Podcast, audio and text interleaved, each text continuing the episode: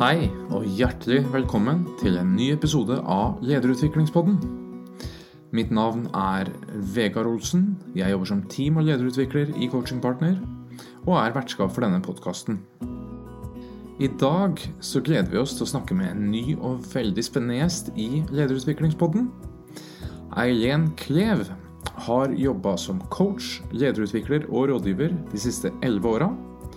Og ettersom hun har bakgrunn innenfor både coaching og terapi, så jobber hun dypere med sine kunder enn det de fleste coacher og lederutviklere gjør. Unikhet er et nøkkelord i Eileen sitt arbeid. I sin tidligere karriere jobba hun i mange år med merkevarebygging, som handler om det å finne og styrke det unike i bedrifter og i produkter. Mens i de siste elleve åra så har hun jobba som coach og lederutvikler for å hjelpe flere til å oppdage sin unikhet, sånn at de kan få brukt mer av potensialet sitt i sin videre karriere. Vi gleder oss til å høre mer om hvordan Eileen jobber med sine kunder, og til å høre hvilke tips og råd hun har til ledere som vil forstå sin unikhet for å utvikle seg videre som leder. Og med det så ønsker vi deg hjertelig velkommen til Lederutviklingspodden.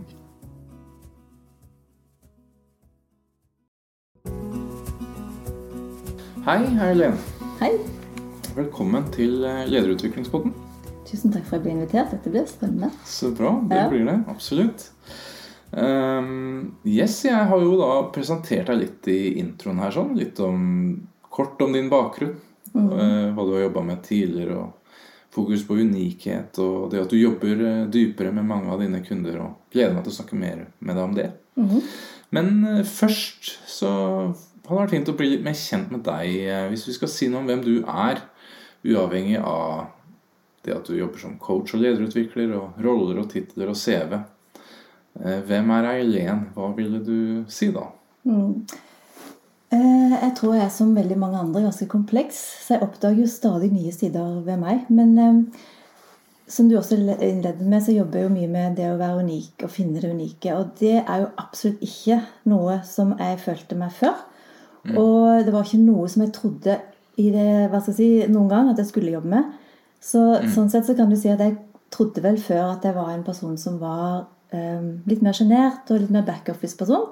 Og funnet ut at eh, det var bare en rolle som jeg har tatt med meg, som egentlig ikke var meg. Så det sier at jeg liksom sånn oppdager stadig nye sider ved meg, så tenker jeg at det er Når du spør hvem er Eileen, så tenker jeg ja, akkurat i dag.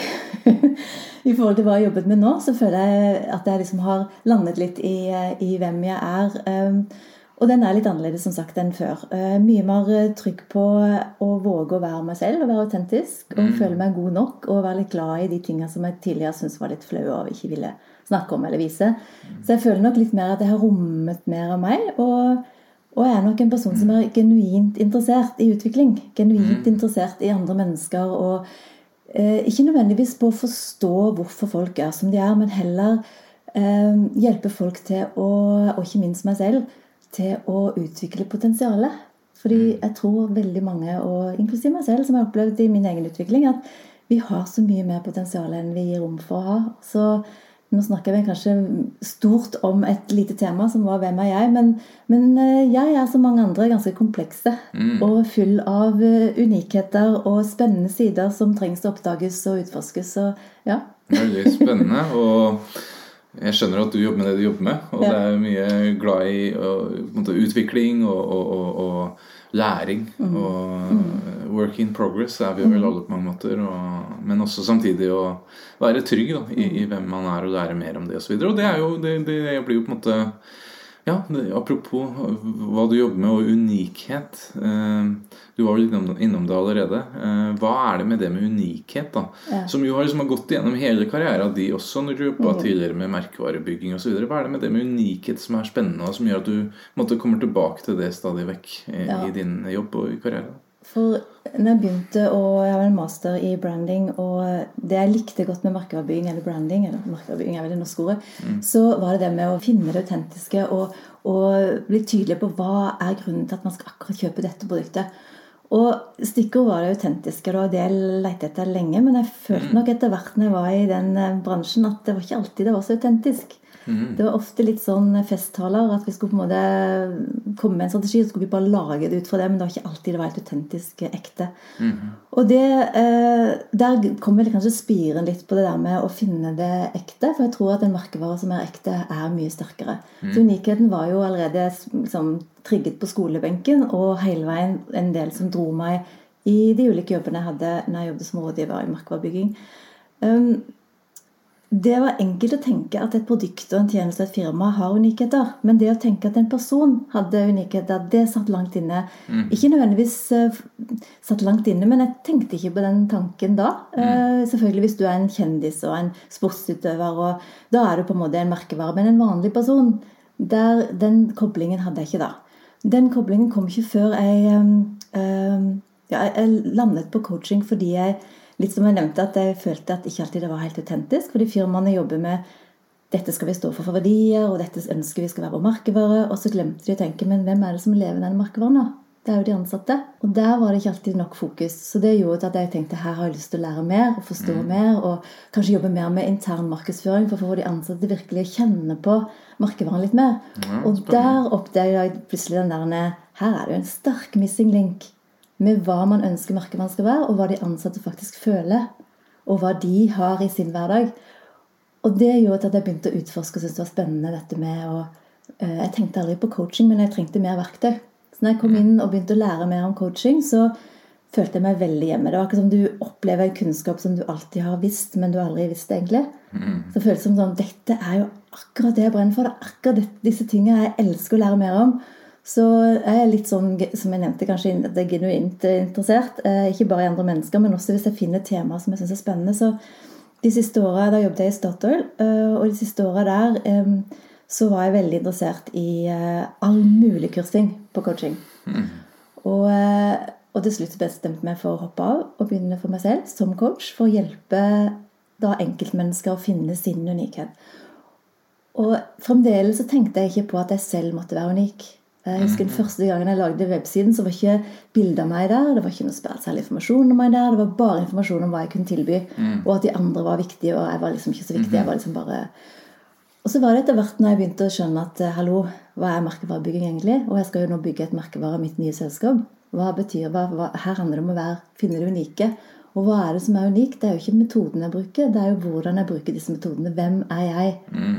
Og den reisen var ganske skummel. For jeg har alltid vært liksom litt backoffice. Selv om jeg jobbet i merkevarebygging og det var utadvendt jobb, så var det alltid liksom Er det en logo der som jeg kan lene meg på? Selskapet Det var aldri meg som person.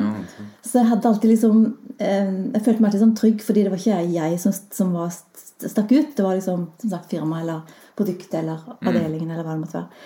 Så når jeg da skulle eh, blande meg selv eller eh, kommunisere meg, så hadde jeg masse sperre mye bokser som jeg hadde tatt med meg fra gamle, fra gamle spor, skulle jeg si. Ja. Uh, som trengtes å jobbes litt med for å finne ut av uh, hva er det som er unikt. Hvorfor skal de jobbe med meg? Hvorfor skal de akkurat velge min type coaching versus en annen type coach? Mm.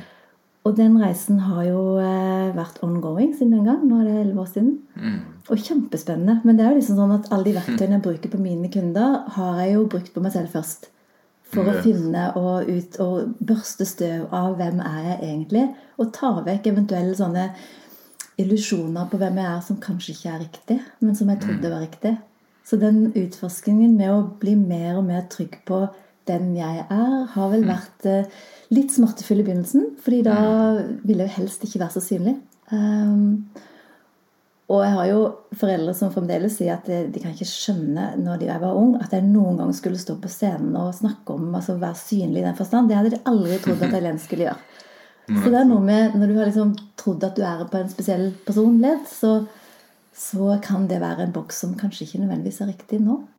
Det er utrolig spennende mm. å høre om, eh, om din Ja, kan du bruke ordet reise da, her sånn. Med og hvordan du liksom walk the talk eh, og, og, og, og blir på mange måter nødt til det. Men også, det er jo ikke gitt. Men du faktisk velger å gjøre det. Og det er jo veldig inspirerende, tenker jeg. da, og For meg i hvert fall, som har både jobba og samarbeidet med mange coacher opp igjennom. Og liksom, de som inspirerer meg mest, er jo de som har integritet og walk the talk, do the stuff mm. for, for, dem selv først. Yeah. Og, og det er det mange som kanskje ikke gjør alltid. Og hvordan du da har gått fra å jobbe med unikhet for produkter og bedrifter til eh, menneskene i, i produktene og bedriftene, og Mm. til menneskene og til deg selv. Og det jeg ofte får høre, er jo ja, men unik det er jo ikke meg. Jeg er jo bare en av mange. Det er ikke noe, jeg tror ikke du kommer til å finne noe unikt med meg, egentlig. Jeg har ennå ikke funnet noen som ikke er unike. Og det er ganske spennende. Så jeg er fremdeles på leiting, så hvis noen uh, tror at de er, ikke er unike, så, så kan vi gjerne ta en test. Men det jeg Så er det er lyttere der som tar utfordringen, så er sant? eh, klar. Fordi alle har noe ved seg som er unikt. Uh, Jeg har ennå som sagt ikke truffet noen som ikke er det, selv om de i første øyekast uh, opplevde at de var veldig annerledes og ikke annerledes, ikke annerledes, og var veldig mainstream og helt som alle andre, så er det stemmer det ikke. Jeg kan jo dele kort at vi kjenner hverandre jo godt fra før. I, altså Vi jobba jo begge i Statoil. Vi var det. Og vi jobba begge med merkevarebygging. Yes. Og, og vi har hatt veldig forskjellige reiser. Altså Jeg har jo bodd i London de siste åtte åra. Vi har jo ikke hatt noe kontakt på de åra osv. Men mm. nå har vi det igjen, spesielt her nå, da, med, mm. med, med podkasten. Men eh, jeg har jo også landa i det med unikhet. Eh, og det har liksom vært noe som jeg ikke har vært så bevisst på før det har blitt tydeligere på veien. Jeg er liksom ikke helt bevisst hvorfor. Jeg gjorde jo det samme som deg. og og, og, og, og jeg begynte jo med coaching for å bli en bedre leder i Statoil. Og, eller bedre i jobben min også, da. Eh, men så ble jo det noe som bare ble en sterk fascinasjon. Og akkurat som du sa, jeg følte meg hjemme med en gang jeg begynte å lære om det. Og kjente at oi, dette her vet jeg jo, men samtidig lærer jeg masse nytt. Ja. Så, eh, så det er interessant hvordan vi begge har hatt eh, mye sånn fellesnevnere der, da, og, og har det egentlig fortsatt. Um, og vi var jo en del av en brand management-avdeling, så det var vel en tredel av den avdelinga som eh, med du og meg, meg da, som gikk ut på omtrent samme tida. Så det er litt interessant. Det er litt interessant. Men det var jo ikke nødvendigvis pga. Statoil. Det var jo kanskje andre ting som plutselig trigget mer. Ja, det var nok det. det At liksom vi kom over noe Ja. Men på samme tid. Så vi hadde mange spennende samtaler da også. Absolutt. Mm. eh, Om coaching mens mm. vi jobba der. Men tilbake til det med unikhet litt mer, da. Ja. Eh, Hvordan er det du eh, Ja, du har allerede delt mye, men hvordan er det du jobber Mm. med dine kunder da i forhold til det med unikhet? Hvor, hvor, hvor begynner du? Ja, hvor begynner jeg? Um, det er to måter å, som jeg tenker sånn veldig forenklet eh, sagt, da, så er det to eh, approacher, det er to måter å, å komme inn på det med unikhet. Og den ene er jo det som kanskje mange gjør, det er jo å tenke litt sånn brainstorming og, og gå tilbake og se på karrieren og se på oppturer og nedturer og se liksom hva var til stede når du var på topp, og hva var det som ikke var til stede når du var på bunnen, og dermed bli litt mer kjent med deg selv og, og hvem du er. Eh, Eller ha med sånn som man ofte gjorde i, i, når jeg jobbet i byrå, at man hadde sånn brainstorming på, på hva er det som er positivt her, hva er det som er bra her, hva er det som er det unike her, og så gjøre en slags brainstorming. Så det er jo en approach på det. Mm. En annen approach på det er jo, som jeg kanskje jobber mest med, og det er jo eller jeg gjør begge deler, men ofte så er det der det stopper. Eh, Det er jo å rydde vekk det som ikke er deg. Rydde vekk sånne gamle overbevisninger. Jeg sier gamle fordi at ofte så kommer de ikke fra nåtid. skulle jeg si. De, de kommer fra tidligere opplevelser av tidligere roller du har hatt. Eh, Vi rydder vekk skrumset som ligger i systemet ditt av gamle tanker som holder deg igjen. Eh, Følelser som kanskje sitter litt på autopilot, som er på tide å ta vekk. eh, At man kanskje noen kan ha en sånn ibuende angst for å stå fram og være synlig, eller um, Og vi vet jo det med å holde foredrag, hvor noen sier jo at det å stå opp for en forsamling og snakke, er det like mye frykt for som, det å, som frykten for å dø. Så det er- ligger jo mye følelser her som kanskje ikke nødvendigvis er så rasjonelle. Nei. Men de stopper deg likevel. Så noen ganger så kan det faktisk eh, være utrolig nyttig å gå inn og se på de tingene som du har lyst til å bli litt ferdig med, og så bli kvitt de. Og da jobber man litt mer terapeutisk. Da går man dypere enn en coach, altså hva som er vanlig coaching. Og det syns jeg er kjempespennende. Og det er kanskje mest spennende fordi jeg har hatt veldig nytte av det selv. Når jeg skulle bli kvitt mine bokser som jeg har plassert meg inn i, eh, den med at jeg ikke vågte å være så synlig, eller eh, Ja, eh, på video. Jeg trodde aldri jeg skulle gå på video. Det var liksom helt Det var ikke noe for meg, Det var jeg helt sikker på. Og det var jo fordi jeg hadde masse ulike følelser som, som bare kom på autopilot når jeg tenkte på det å stå foran en kamera. Og ikke minst alle de følelsene, nei, tankene som kom i hodet mitt da. Og hvor jeg kjente det i kroppen, at det snørte seg i magen. Alle disse tingene er jo signaler på at her er det noe som må ryddes vekk. Og så jeg jobber mye på liksom, såpass dypt nivå, da. Mm. Spennende. Så det er de to approachene. Enten, oh, enten så er det søler jeg litt. Det går litt te i veggimellom her. Det går bra. Ja. Så enten så er det liksom den der kreative brainstorming-biten som er veldig spennende, men så er det jo også den der ryddejobben, som jeg kaller det. Så når du jobber med de du har som kunder, er det, begynner man mest med kanskje at eh, man sitter litt fast, eller man vil være synlig, men klarer ikke, eller man vil holde den presentasjonen, men det knyter seg, eller er det liksom der man ofte kanskje begynner? At det er noe som er vanskelig at man sitter fast med? Eller, eller begynner mange av de også med 'jeg vil bare forstå meg selv bedre og min unikhet'? Eller er det begge deler? Det er nok begge deler, men de fleste kommer nok fordi de eh, føler seg litt eh, fastlåst i den jobben de har. Føler at de har stoppet utvikling. De kan kjede seg litt. Eh, Noen har gått så langt at de har gått fra å bli um, bored out, altså de har så kjede, kjede så mye at de har blitt burned out. Ja. Men de fleste har ikke kommet så langt, men de er på en måte i vippen på at åh, livet mitt er litt grått, det er litt kjedelig, det er, jeg mister litt mening. Den entusiasmen jeg hadde før i tida på jobben, den er ikke der lenger. Jeg mangler liksom Og det er jo fordi det er nye ting ved deg som nå skal få litt mer plass, som kanskje trengs å, å utvikle seg. For vi er jo i utvikling hele veien, enten vi liker det eller ei. Og alternativet til å stoppe utvikling, det er jo visne hen. Og den er ikke noe godt sted å være. Så eh, mange kommer nok til meg når de er på vei til å visne litt. Og kjenne at eh, Og mange opplever jo at de kommer til meg og tenker men jeg vet ikke, aner ikke hva jeg skal gjøre. Jeg føler meg litt lost. Jeg har jo en kjempebra stilling. Jeg har en god lønn. Eh, på papir og på CV-en så ser alt veldig bra ut. Ja. Men det føles litt tomt. Ja. Og da handler det om å finne ut hva er det egentlig som trengs å booste opp i jobben din nå. Og for noen så er det bare å bli tydeligere på hva de egentlig trenger mer av i jobben, og, og organisere jobben litt annerledes. Og for andre så handler det om å finne en annen type rolle i det selskapet de er i, eller eventuelt andre steder. Men det er liksom vekke entusiasme i gnisten igjen. For den, det er ikke sånn at den forsvinner med alderen. Det, det har ikke min erfaring i det hele tatt. Og den forsvinner ikke heller med, med erfaring. Den forsvinner fordi du ikke bruker evnene dine Mm. og utvikler evnene dine. Du stopper mm. litt opp. Mm. Så mange kommer til meg når de er i den fasen der. De fleste gjør nok det. Men noen kommer jo konkret problemstilling som du sier at åh, jeg har problemer med en eller annen kollega, og jeg har slitt med den lenge, jeg vet ikke helt hvordan jeg skal motivere eller få Og så er det en konkret bestilling. Um, men de fleste er litt mer på Så man begynner med kanskje en del av det som eh, ja, står i veien, eller å forstå hvorfor det er flatt, eller hvorfor det er eh, eh, Ja, jeg burde være Alt er på papiret bra, men bare at det ikke. Så liksom å gå og forstå det og dy- dy- dy- dykke litt inn i det, og så blir det mer etter hvert eh, Som du har jobba mer med det, så kommer mer eh, fokus på eh, liksom, hvem er jeg som leder eller som, som ansatt og Den min unikhet?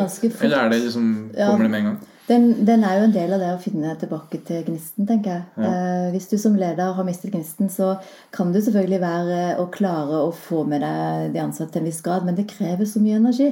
Det er så slitsomt. Så når vi begynner å jobbe, så er det jo liksom å finne tilbake til deg igjen. Og da finner mange tilbake til sin lederstil. Altså De finner tilbake til gløden med å være leder igjen. Fordi de blir, ser liksom 80 evner jeg skal bruke som leder. Det kan være en helt andre evne enn en annen leder skal bruke. Mm. Min erfaring er jo at ledelse man kan jo tro at, led, at skal du være leder, så må du være på en spesiell måte. Men min erfaring er heller å finne ut av hva er det som er styrkene dine, og bruke de. Da vil du få med deg folk på en helt annen måte. Så betyr det at det handler mer om eh, Fra din erfaring, da, handler det ofte mer om eh, hvordan enn om hva? Altså på den måten at handler det mer om å være annerledes og mer seg selv i sin rolle enn faktisk å bytte eh, jobb, rolle, eh, profesjon? Vi begynner i hvert fall ikke med bytte, fordi det er jo litt dumt å gjøre før du har funnet ut hvem er jeg som leder, eller som, hva er det som er mine unikheter. Hvordan kan jeg bruke evnene mine enda mer enn det jeg har gjort? Ja. Og jeg opplever jo mange som kommer til det stillstandet der de føler at det de visner i tennene, det det er ikke så spennende på jobb lenger. det er ikke... Jeg opplever ofte at de har gått seg liksom inn i en dead end eh, i forhold til sin utvikling, og så har de utrolig mye skjult kompetanse som de har glemt at de har. Så når vi begynner å friske opp litt med hva det egentlig du er, hva det egentlig du har, hva det egentlig du er god på, så vil mange plutselig si Gud, jeg har helt glemt av at jeg var ja, det har jeg helt så... Altså Du vekker opp litt mer av evnen og ferdighetene til personen. Og når du vekker den opp, så vil flere kanskje se nye muligheter. da. Og noen vil oppleve at de kanskje vekker opp ting som de aldri har, har prøvd eller gjort før. Og da kan man trenge å rydde litt, for da kan det være sånne type bukser man satte seg inn som trengs å, å gi litt slipp på for å få plass til den evnen enda mer. da. Høres veldig um, verdifullt og, og spennende ut. Men og, hvor- hvordan er det du faktisk jobber, da? Er det samtaler uh, fra første time eh, Hvordan ser det her ut i Mm, ja. Det er jo litt forskjellig. Eh, De fleste kjøper nok en pakke hvor vi møtes jevnlig. Um, Og de fleste samtaler er via Zoom, så de kan på en måte være til stede hvor som helst i landet og hvor de er. Um, Det er nok en kombinasjon mellom samtaler og som sagt, noen ganger så trenger man å gå dypere, og det er litt mer terapiretninger. Men uansett så fungerer det superfint å gjøre via Zoom. Um, ja, Så det er litt forskjellige pakker, forskjellige typer. Jeg har noen pakker som er sånn typisk drømmejobbfokus. Der det handler om å, å, å finne skattkisten deg, da. Med hvilke ferdigheter er det du har, og kanskje den skjulte kompetansen som jeg nevnte.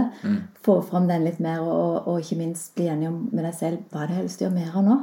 Som jeg ikke kanskje har gjort så mye i det siste. eller hva har jeg lyst på? Fordi vi trenger å utvikle oss. Hvis vi hele veien leter etter jobber i komfortsonen, så bare utsetter du eller på en måte, Har du gnisten en liten stund, og så får du en ny dead end. Så vi trenger hele veien å utvikle oss. Derfor er det viktig å være bevisst på hva det egentlig har lyst til å utvikle meg mer i. Ikke nødvendigvis at man skal gå opp. Jeg tenke på Lederutvikling eller utvikling generelt handler om å få mer og mer høyere og høyere tittel. Jeg tenker jo mer eh, I min verden så kan det også være en vei, men, men det viktigste er jo hva har du lyst til? Hvorfor vil du det? Hva er motivasjonen for å gå den veien med å få høyere og høyere stilling og mer og mer lønn?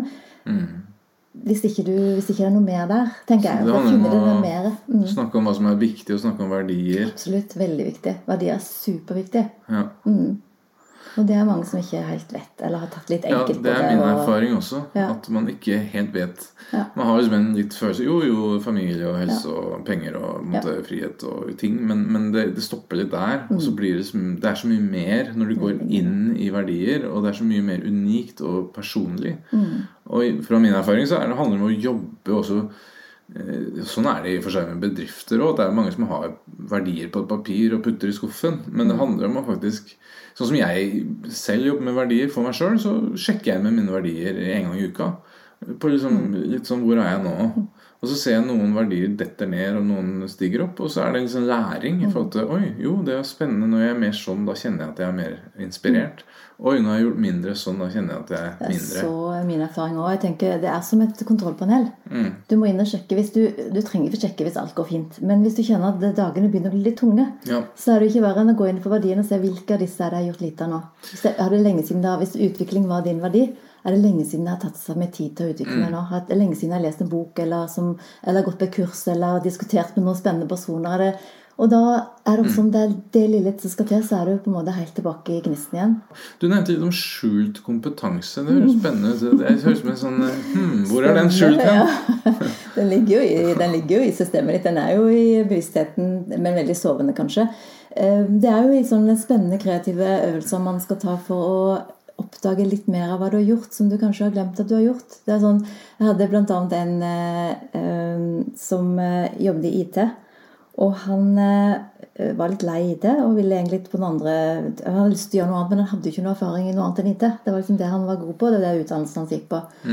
Men han, eh, altså han kom vel egentlig til bestillingen som sånn Jeg tror ikke det er noe håp for meg, egentlig. ehm, fordi jeg er jo godt voksen, og det er dette jeg har gjort hele mitt liv. Og så begynner vi å utforske litt mer på igjen. Se litt på topper og bunner på karrieren så langt. Eh, intervjue mer på hva er det andre ting du har gjort, som kanskje ikke står i stillingsbeskrivelsen, men som du også har gjort. Og så begynner vi å fiske og få fram enda mer. Det er sånn brainstorming på alle mulige typer spørsmål og øvelser for å tenke enda mer at boksen blir enda større. Og etterpå så handler det jo om å spisse det litt mer og finne ut hva jeg likte godt, hva jeg har lyst til å gjøre mer av. Og han fant eh, ut at han hadde gjort utrolig mye på opplæring. Veldig mye på um, å lære bort i forhold til IT, da, spesielt. Men han hadde gjort det uten at det var en del av stillingsbeskrivelsen. Det var bare sånn, Ingen gadd jo det, fordi på IT var de sånne nerder som bare likte faget sitt. og syntes det var pytonkjedelig å, å bruke tid til de som trengte hjelp. Men han syntes jo dette var gøy, så han gjorde det jo. Men han tenkte jo aldri på at det var en jobb, for det var bare noe han gjorde. Mm. Og når han skjønte at det var faktisk en kompetanse han hadde, når han innså det, så var det sånn Jøss. Så han jobber jo nå i et HR-selskap med opplæring. Og det er opplæring utover IT. Det handler ikke om IT lenger. Men den kompetansen han hadde på opplæring, som han ikke trodde var en kompetanse, fordi han hadde jo bare gjort det fordi han syntes det var gøy. Han hadde gjort det i mange år, men ikke, det sto ikke på CV-en, og den var ikke noe som han var bevisst på før jeg begynte å dypdykke litt mer. Så det er sånne ting som noen kan kjenne Å, gud, det er faktisk mye flere muligheter enn jeg trodde. For jeg har gjort veldig mye, og mange kan oppleve at kanskje ikke de har gjort så mye på, på ledelse. Eh, eller de har aldri vært leder av ledertittel, men de har gjort mye på ledelse. det var det jeg måtte si. Ja. Så de har tenkt liksom, å, jeg skulle ønske jeg kunne søke den lederstillingen, men jeg har jo aldri vært leder. Og så begynner vi å se på den igjen skjult kompetanse, så ser jeg gud, jeg har gjort utrolig mye som egentlig er ledelse. Yes. Men jeg har aldri tenkt på at jeg var en leder, egentlig.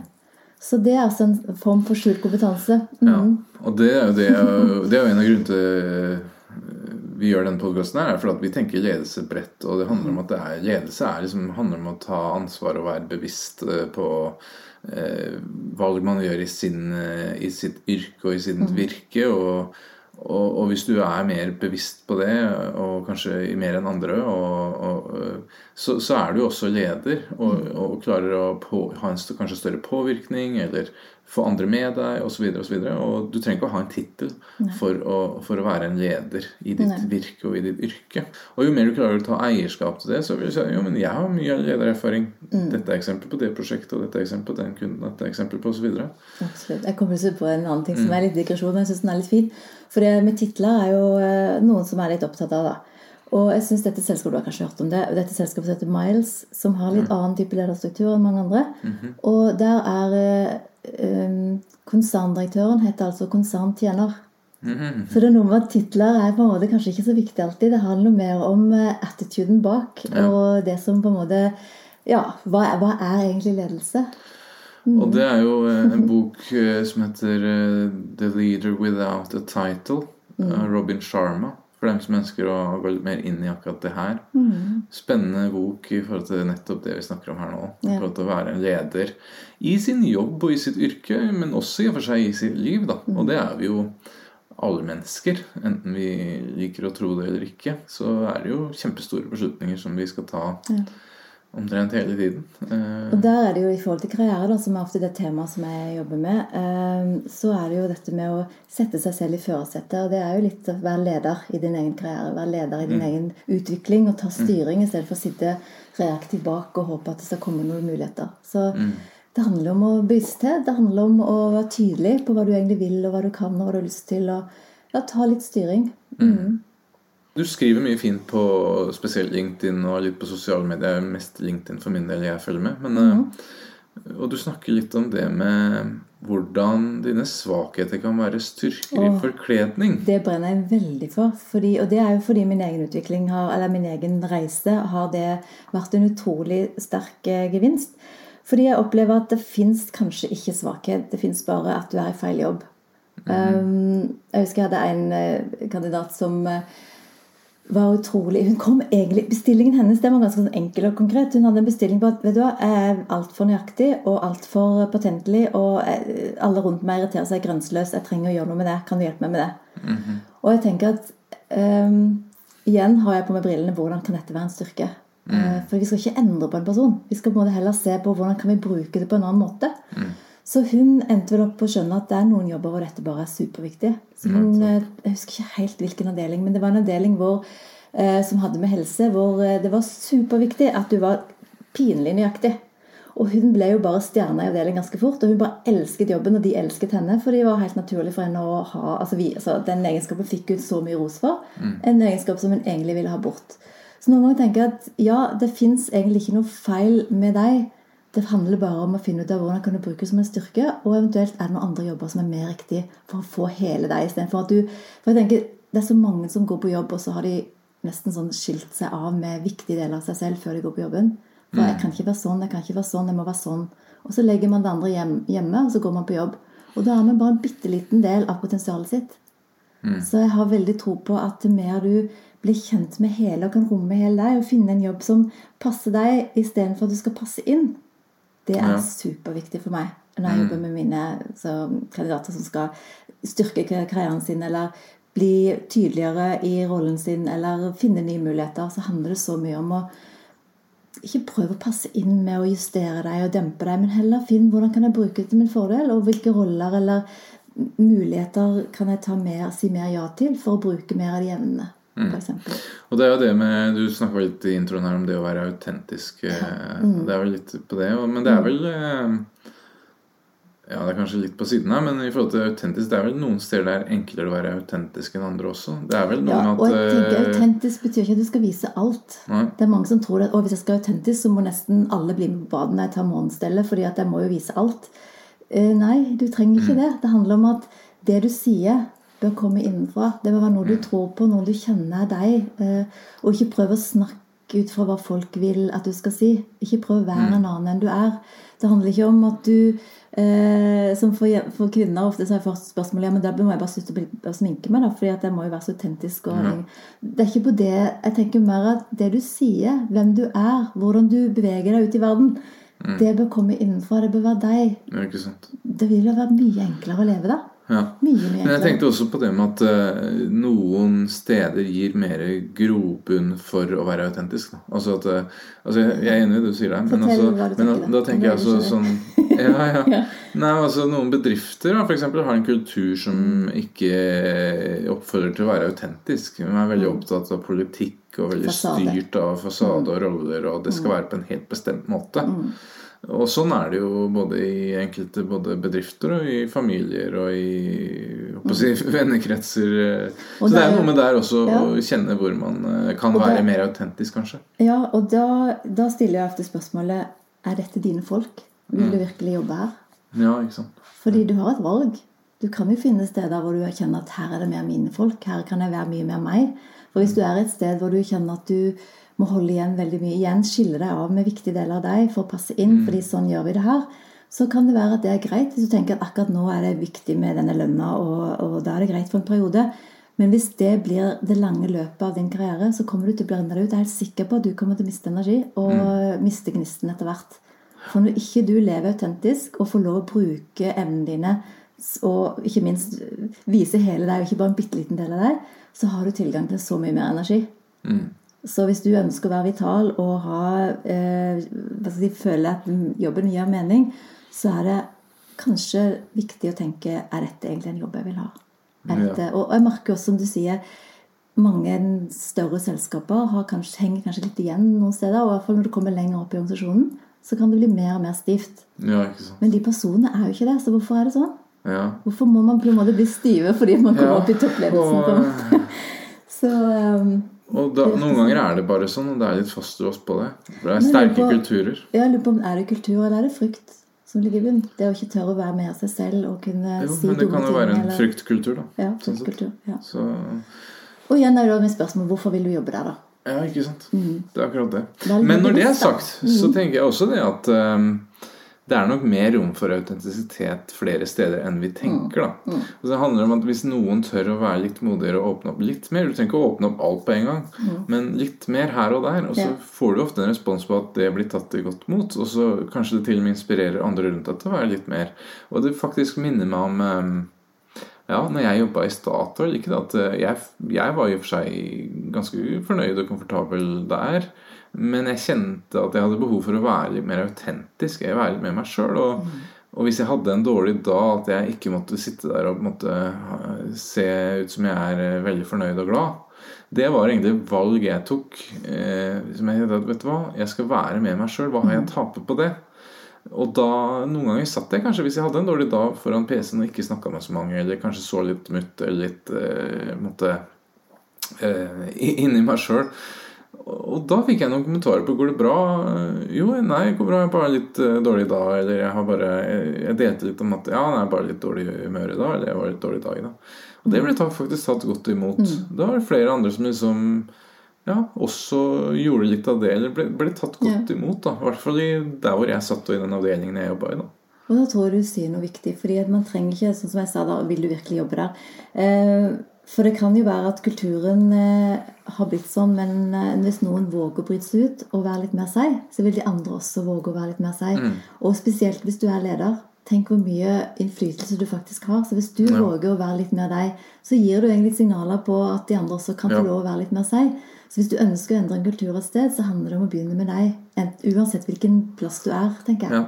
Og noen ganger er det, er det der endringen skal skapes. Andre ganger så trenger man kanskje å, å som sagt, finne et annet sted å være. Men veldig ofte så tror jeg mange har sånn låst på at jeg kan ikke gjøre noe, jeg kan ikke være meg selv, for det er ikke akseptabelt i det selskapet. Men så har de heller, aldri prøvd.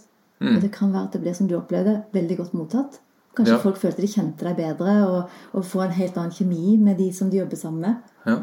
Begynne med deg, sier du. Hvorfor er det viktig for en leder å begynne med med seg? Jo, jeg tenker, jeg husker ikke helt tittelen, men det er en bok som jeg tenker Den er jo en tittel som eh, fenger litt, og den sa eh, Everything eh, I've used in management and leadership I learned in kindergarten. Vi, er, vi driver litt av de samme tinga. Akkurat som når du tenker foreldre, så handler det ikke om hva du sier, men hva du gjør. Og Det er litt det samme med en leder òg. Eller uansett så handler det om samme hvor denne lederen sier at du må følge verdiene til selskapet, og selskapet står for dette. Men måten den lederen lever dette på, eller måten den er i hverdagen, er kanskje helt annerledes enn det han sier. Så det er det der med at det må begynne med deg. Og hvis du ønsker å skape en endring hos dine ansatte, så handler det om å begynne med deg hele tida. Um, Og vi mennesker eh, har jo veldig mye triggere.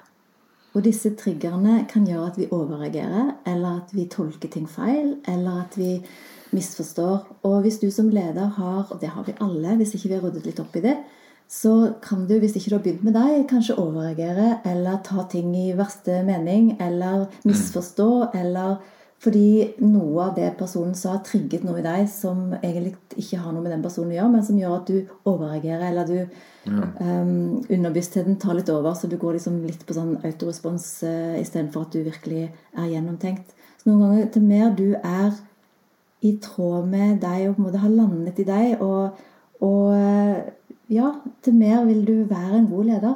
Mm. For da har du ikke disse triggerne som gjør at du av og til booster ut når du ikke burde booste ut. Eller, ja, Så det er på en måte liksom vite hva som er eh, Hva som er mitt, og hva som er ditt. ikke sant? Ja. Og, og, det Og blander vekk, vi fort. og rydde vekk det som du kjenner står i veien hos deg. deg.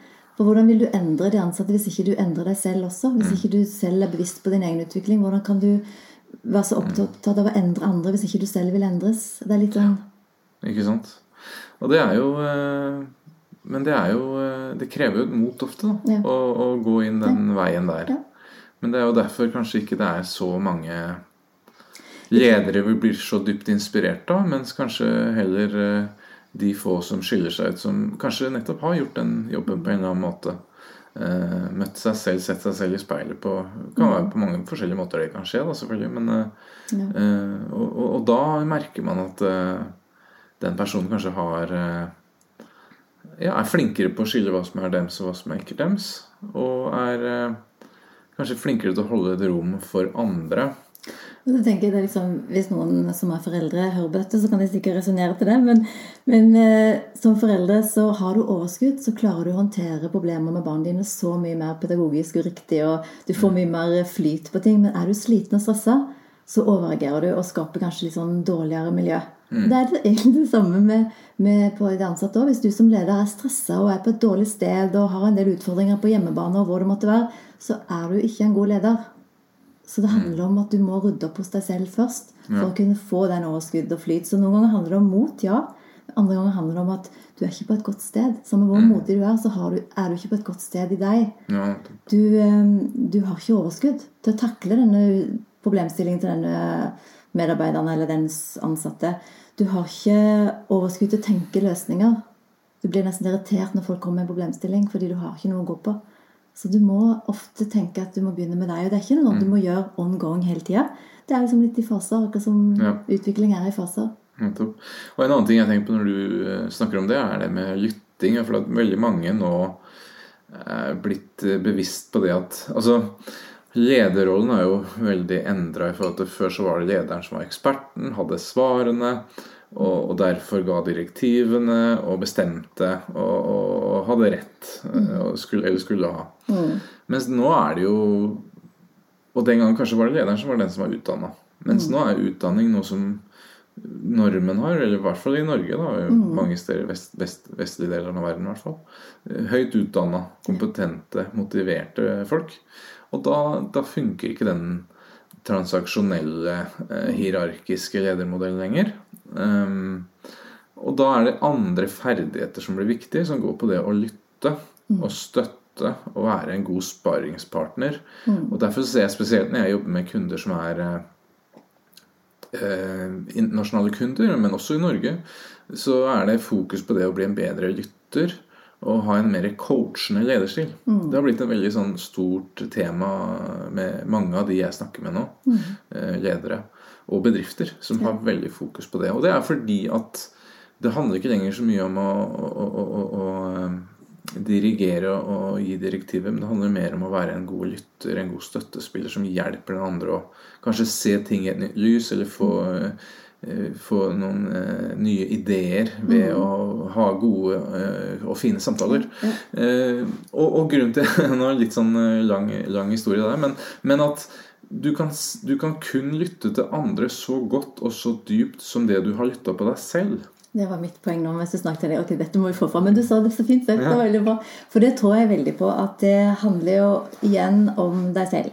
Mm. Og igjen, hvis du er stressa og er på et dårlig sted, så er, så, så er det ikke så lett for deg å lytte. Og hvis du har for mye triggere, så kan det være du lytter og du bare kommer med antakelser basert på det du har, de knaggene du har, uten å løsrive det for de knaggene og virkelig lytte. Um, men det er jo noe med når du skal jobbe med deg selv, så er det akkurat det der med å lytte. Og den lyttingen handler om mye mer enn bare å lytte til hva du tenker, men også lytte til hva kroppen din har å si. Magefølelsen er jo noe som noen har veldig bra utvikla, andre har fortrengt den og ikke jobbet så mye med den. Men den magefølelsen har opplever i hvert fall jeg i både min egen reise, men også mange av mine klienter, at når de begynner å lytte litt mer til magefølelsen, så er det akkurat som avgjørelser og um, flyten på jobben blir en helt annen. Mm. For magefølelsen har mye kunnskap som logikken ikke alltid får med seg. Så hvis du kan koble de to sammen, så kan du bli en veldig dyktig leder. Og da kan du også lytte og vite hva du skal spørre om, for magefølelsen kommer med en sånn små hint til deg på at her må jeg spørre noe mer. Eller her må jeg spørre litt på siden. Eller... Så det å være litt mer i tråd med hva kroppen din sier mens du lytter, det syns jeg er spennende. Spennende. Og apropos det, da, så når du jobber med dine kunder, så er det da Jobber dere ofte med det? Og lytter på kroppen? Veldig mye. Veldig mye. Mm. For underbevisstheten eh, tenker jeg er litt for lite fokus på i utvikling. Eh, I hvert fall er min erfaring. Og underbevisstheten Jeg tenker ofte bevisstheten og, bevis og underbevisstheten. Underbevisstheten er jo dette som er under, altså, tenker isfjell, da, så er bevisstheten det er det som du ser over eh, vannoverflaten. Og det er egentlig ganske lite i forhold til den uendelig store underbevisstheten eller det som er isfjellet under vann. Det er jo veldig, veldig mye større. Og sånn er det med vårt sinn nå. Så vi er bevisst på en liten del, og så har vi så mye spennende kunnskap som vi ikke alltid er bevisst på. Og skal du få litt mer eh, kontakt med potensialet ditt, så må vi lytte til underbevisstheten. Og der er kroppen fantastisk fin, for den er direkte link til underbevisstheten. Mhm. Så der får vi ofte mye spennende informasjon når vi begynner å lytte litt uh, til utfordringen. Så ja, det, Noen kan tenke at dette var veldig rart, men eh, min erfaring er at det er helt naturlig. Og det er, burde vært eh, en del av hele coachingpakken, sånn som jeg opplever det av min erfaring. Mm.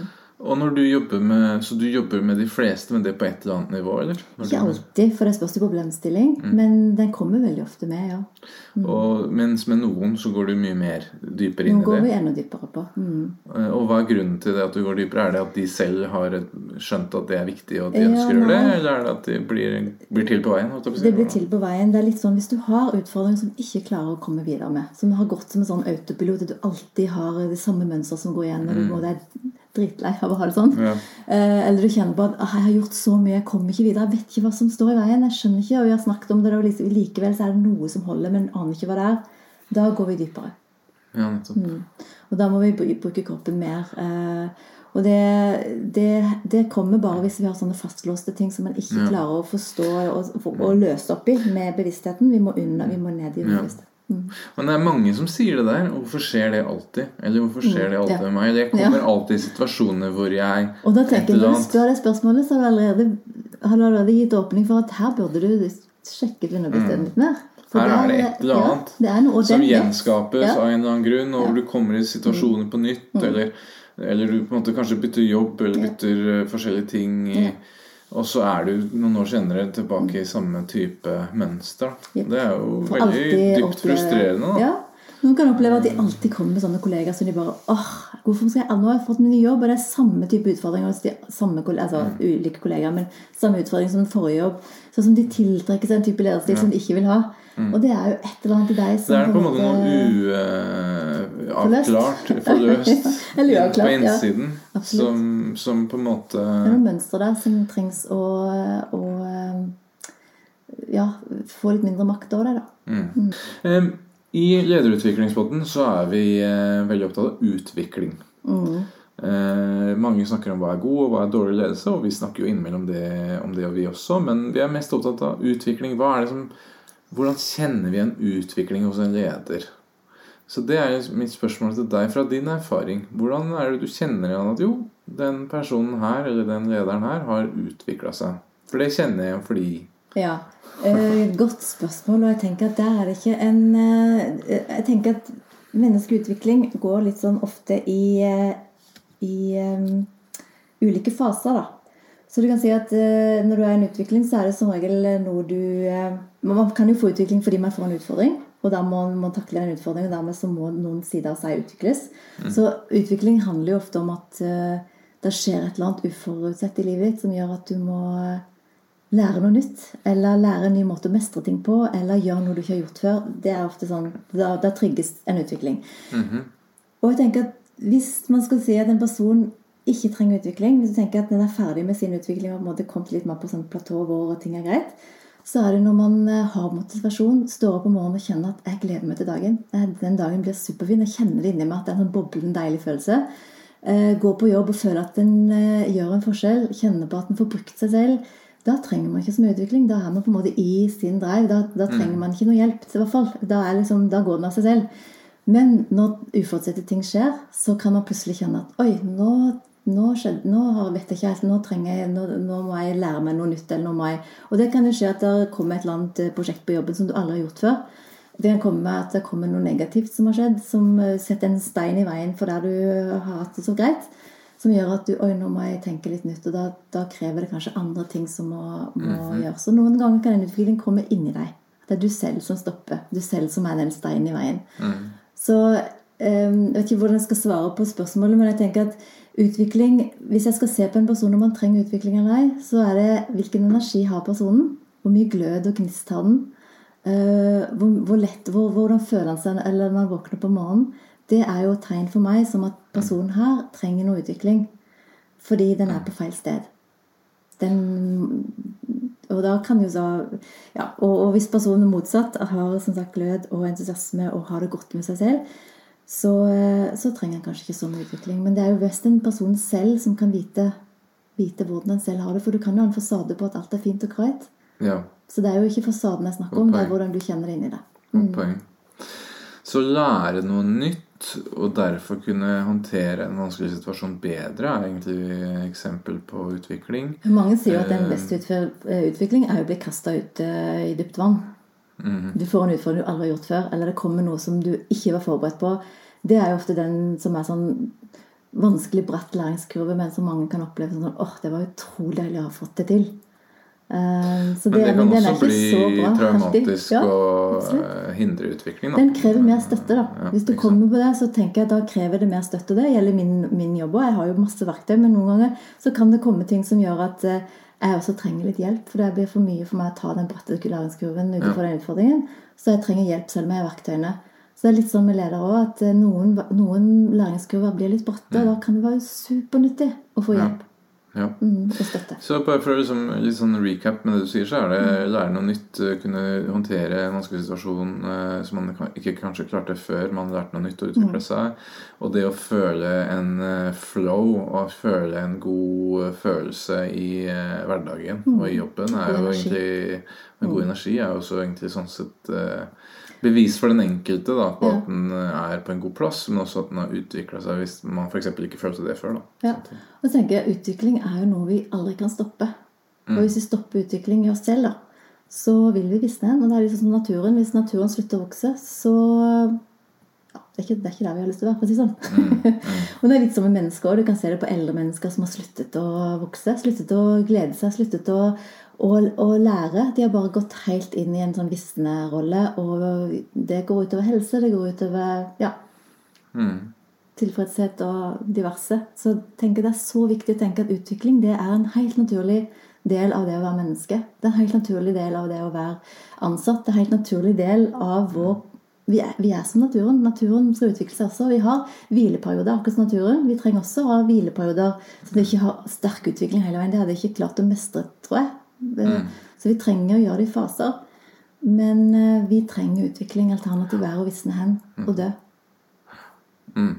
Ja, det er sterkt sagt, men, men jeg tror utvikling er superviktig. Men, men ja, jo, det er noe, det er noe der. Hva med deg sjøl og din egen utvikling som leder og coach og lederutvikler? Mm. Hva, hva vil du si er liksom for deg selv eh, bevis på at du har utvikla deg? da? Det er jo kanskje mest med å våge å være synlig. Sånn som jeg oppnevnte før. at jeg alltid, jeg husker Min far sa også det at du og meg vi er sånn backoffice-personer. Det sa han før jeg begynte å skulle velge studie. Så jeg så jo hele veien at jeg skulle velge studier som ikke var så veldig um, Så jeg ikke trengte å være så synlig. da. Og jeg husker den første, En av de første jobbene jeg hadde, var jo byrå. Og da kjente jeg veldig på her kan ikke jeg være. For jeg er jo ikke sånn person som kan være i byrå. Jeg er jo den personen som skal være på en måte backoffice. Jeg husker den jobben ville jeg egentlig ikke ha, for jeg følte det var så feil. Uh, egentlig. Men så fikk jeg jo jobben, da. Og så var jeg sånn flink pike og sa ja. Og så kom jeg inn, og så skjønte jeg at dette var jo faktisk litt gøy. Så begynte jeg begynte liksom å oppleve sånne små spirer på at kanskje det er noe mer her enn jeg hadde trodd.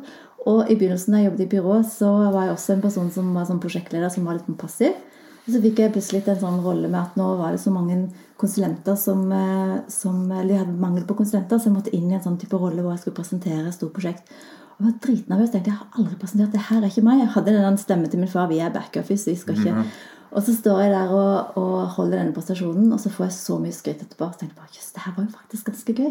Kanskje, kanskje jeg kan dette her. Så utviklingen har hele veien vært sånne små, små gnist, og så kom den for aller eh, største boost når jeg begynte for meg selv. For da var det ingen andre, det var bare meg. Det var liksom ingen andre jeg kunne lene meg til i forhold til at vi er dette firmaet. Det var liksom bare jeg er dette firmaet, på en måte. Og den rollen med å bli mer synlig, våge å være på video, ha min egen YouTube-kanal, eh, ha foredrag, eh, kurser for grupper, være i eh, lederutviklerprogrammer i ulike selskaper Altså den, den rollen var eh, bratt læringskurve, men fantastisk spennende. Og det hadde aldri gått hvis ikke jeg hadde jobbet med min egen utvikling. Ja. Og da er det mye sånn avlæring da, underveis, høres det ut som her. Men den backoffice eh, på en måte var din unikhetsknagg. Jeg er en god backoffice-person. Ja, Jeg sa jo det aldri til noen. Det var, det var noe jeg hadde i min egen, altså, egen tanke om hvem jeg var. Men det var aldri noe jeg sa til Nei, noen. nei, det er klart. Så eh, jeg spilte nok en rolle på å være mye mer utadvendt enn jeg kanskje var. Men inni meg så hadde jeg en Mhm. sånn følelse av at jeg var ikke dette. Mm. Men ehm, hva var spørsmålet spør- du om? Eh, nei, men altså det å avlære. Ja, avlære. Fordi jeg tenker avlære, ja. For meg handler det om å eh, rote litt i underbevisstheten og finne triggeren som gjør at du og finne disse knaggene som gjør at du har den overbevisningen om at jeg er prikk, prikk, prikk. Ja. Hvis du klarer å finne disse Det klarer du jo når du begynner å jobbe med kropp og gå litt dypere. Så finner du disse knaggene, og da kan du avknagge. Du kan nøytralisere det.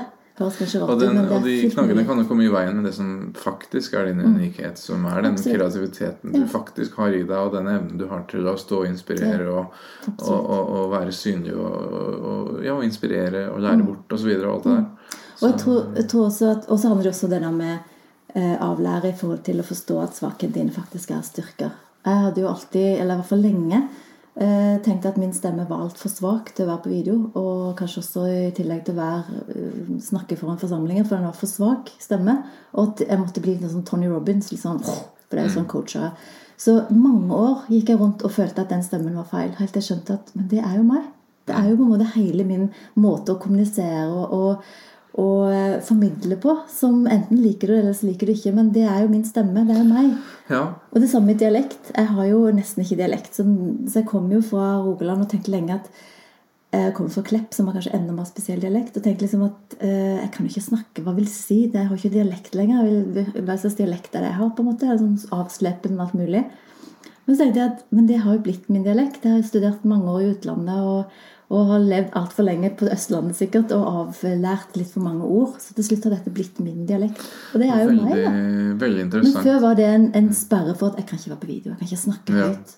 Og igjen så kjente jeg at men det er meg. Så du, du Mm. lærer deg til å bli glad i hele deg, til lettere vil det være å kunne bare møte opp og være. Ja, Veldig interessant. Og det der har jeg tenkt mye på sjøl, akkurat det der med dialekt. Fordi Jeg er fra Sarpsborg, men jeg har på en måte aldri snakka noen veldig sånn utprega bred Sarpsborg-dialekt. Selv når jeg bodde der og vokste opp der, så ja, og litt av den har jeg i meg.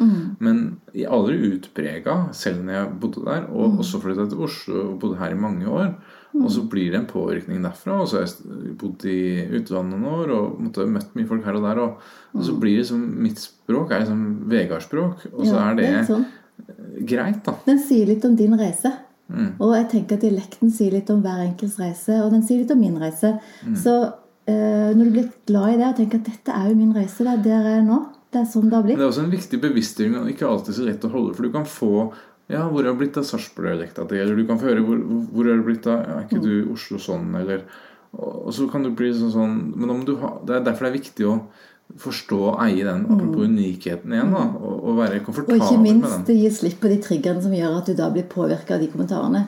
Mm. Sånn at du nesten kan le litt av det. Og, og ja, eh, at det ikke går inn For det, noen ganger kan sånne kommentarer, hvis ikke du har ryddet opp i sånne triggere, da, så kan de ødelegge litt for deg. At du på en Mm. måte kjenner det veldig godt at den triggeren satt vondt. Den var vond, selv om du ikke viser ut noen.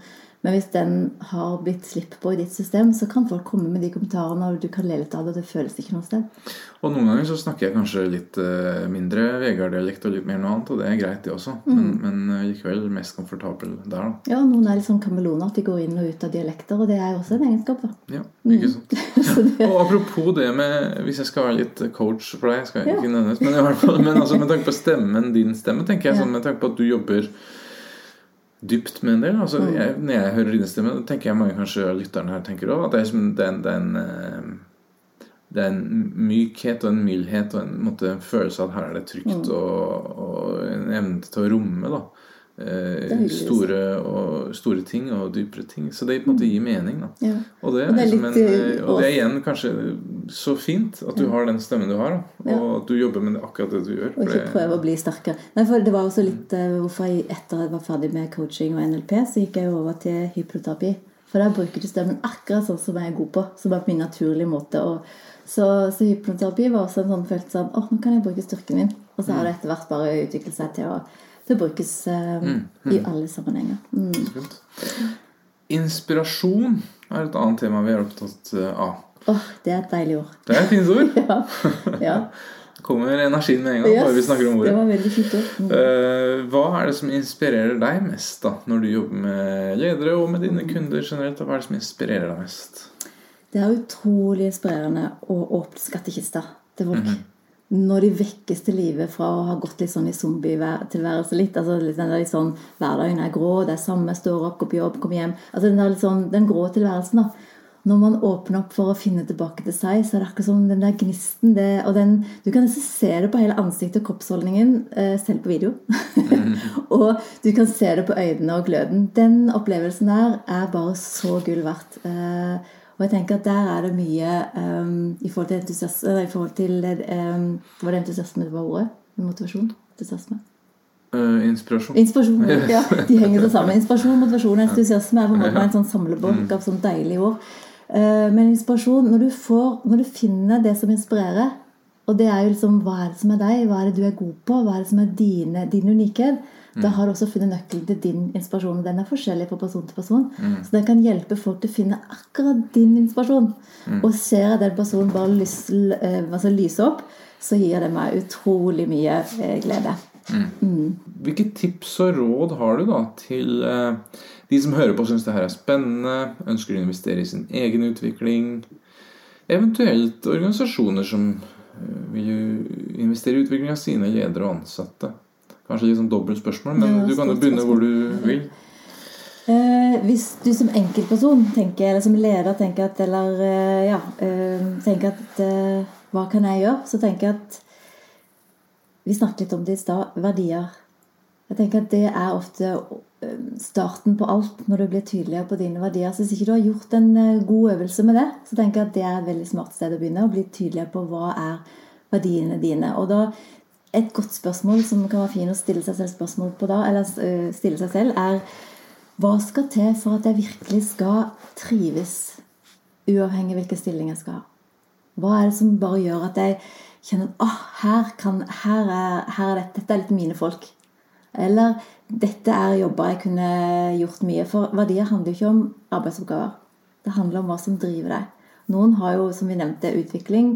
Noen har eh, kanskje dette med fellesskap. Noen har dette med frihet. Og det er jo ikke verdier som man kan si at å, men da skal du ha den jobben eller den jobben. For du kan jo ha det uansett hvilken stilling, alt etter hvilket firma du jobber i, eh, og hva som er mulig. Så det å bli litt tydeligere på verdiene dine vil kunne gi deg ganske mye føringer på å finne tilbake til inspirasjonen.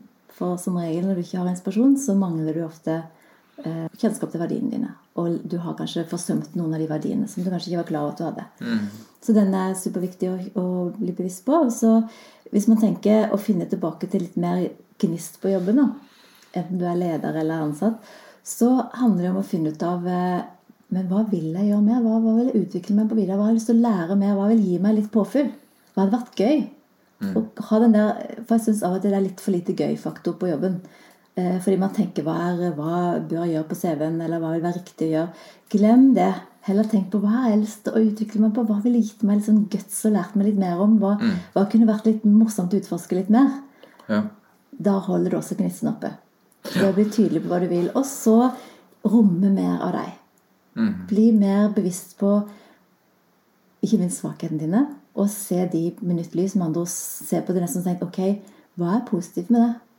Hvis jeg opplever at det er veldig ehm, Ja, jeg hadde jo en som uh, Apropos dette med burde kanskje sagt når vi snakket om svakheter, men det var en uh, leder som uh, hadde utfordring med at han var for sjenert og var ikke så god til Han syntes selv han ikke var god til å mingle.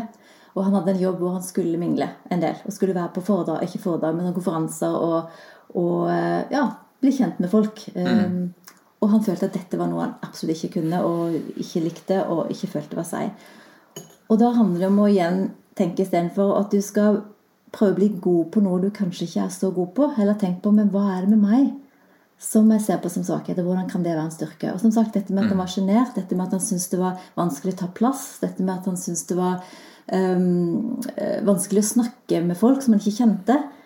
Plutselig så skjønte han at det som er styrken i det, er at jeg er utrolig god til å lytte. Jeg er utrolig god til å la andre få plass. Er utrolig god til å, å motivere og inspirere andre, fordi alle liker å snakke om seg sjøl. Og når han skjønte ja, det er jeg faktisk veldig god på, og hvis jeg tenker meg om, så er det jo det folk kanskje har lyst til. Å ha en person som er nysgjerrig. Og, for det å stille spørsmål, det kunne han. Men det å snakke om seg selv, det syntes han var fryktelig vanskelig. Og etter hvert så skjønte han at mange av de tingene han så på som feil, kunne han bruke på en litt annen måte, og dermed så ble den jobben mye enklere. Ja. Så igjen, svake, se på styrke, svakhetene dine, og se hva som er styrken i det. Kan også få gnisten tilbake. Det er veldig synes jeg, inspirerende og fint å høre hvordan du snakker om det, og det å gi rom for seg selv. Ting du tenker at er feil med deg sjøl, og som andre kanskje du til og med har sagt at de mener er feil med deg. Du har kanskje fått tilbakemeldinger som ikke er, eh, har vært bra, og ikke riktig heller. sånn sett. Eh, Og så, og så faktisk se på det på en ny måte og gi rom for det. Det er eh, noe som jeg tror er veldig universelt viktig. Da. Og så når du snakker om det med og hva er det jeg vil, så er det jo mange som sier ja, men det vet jeg jo ikke. Nei, og da Og da jo- tenker jeg at ofte er eh, Start først med hva du ikke vil ha mer av. Hva, hva du vil ha mindre av. Ofte ser jeg det med de kundene jeg jobber med, at noen ganger må vi begynne der. Er Og så. Ja, er kommer det på en måte de andre tingene etter hvert. Jo mer jeg fikk skrevet Jeg var en kunde jeg hadde nylig som liksom har skrevet postlapp hver gang hun kom på noe som ikke Ja, ville ikke ha, likte. Ja. ikke likte, ikke ville ha mer av. Eller ville ha mindre av. da Ja. Og så ble den postlista ganske svær etter hvert. Og da ble det også tydeligere hva Ja, hun ville ha mer. ok, hvis du ikke vil ha det, hva vil du ha istedenfor? Ja. Og da kan det være lettere å finne de tinga. Og grunnen til at man ikke finner de opprinnelig, er jo ofte fordi man ikke har hatt de på så lenge at man nesten glemte at man ville ha de. Ja. Og da kan det være veldig smart å begynne med den negative enden. Og så er det å si ok, hvis jeg ikke vil ha det sånn, hvis jeg ikke vil ha sånn type leder, hva slags type leder vil jeg ha? Mm. Eller hvis ikke jeg um, har lyst til å ha de og de og de oppgavene, hva har jeg lyst til å ha mer av da? ja. Istedenfor. Hvis de ble tatt vekk fra deg, hva vil du gjøre da? Hvis du kunne Hva er velge. eh, Mhm. motsatsen av det Hva er motsatsen? Så den, mindre den av? er en kjempefin måte å, å gruppe ham på. Veldig bra. Mm. Vi nærmer oss eh, slutten på dette podkastintervjuet. Er det noe vi ikke har vært innom, som du gjerne vil Eller har du en appell, kanskje, til slutt her? Mm, ja, det var mange ting vi kunne sikkert prate om, men jeg syns vi har tatt med veldig mange ting. Og helt til slutt så er det jo den med å huske at uh, du er helt unik. Det høres som en klisjé, og det høres ut som sånn åh, ja. Men det er faktisk ingen andre som har opplevd akkurat det livet som du lever. Har opplevd akkurat de samme tingene som du har opplevd. Er akkurat på samme måte som du er. Det er faktisk ingen i hele verden, verken før eller siden, som kommer til å være akkurat sånn. Så begynn å innse hvor unik du faktisk er, og rom mer av reisen din og mer av deg, så vil du ha en helt annen gnist i hverdagen og jobben din, enten du er den eller den type jobb eller den eller den type stilling. Så ja, husk at du er faktisk helt unik. Det er bare én i hele verden som er akkurat sånn som deg. Det syns jeg er fantastisk fint. Jeg vil si bare takk. Takk for at du sier det. Jeg kjenner at liksom jeg tar den imot, og håper at dem som lytter på, også gjør det.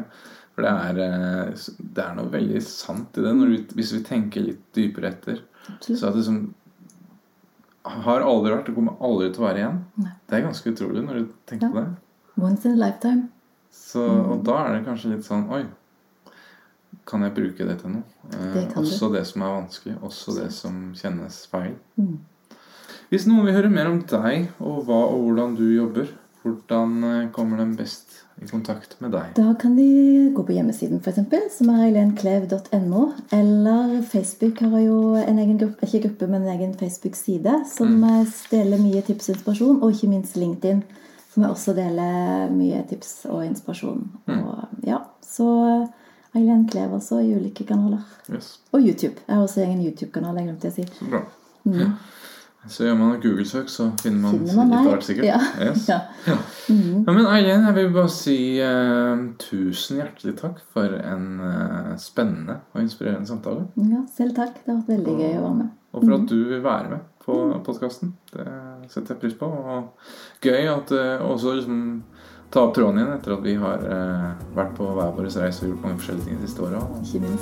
Men at det er en del eh, fellesnevnere vi, i, i en del av det vi jobber med. Men også har jeg lært veldig mye sjøl om eh, å høre om hvordan din, din tilnærming er på mange av disse tingene. Tusen takk for at jeg fikk bli med. Takk for det.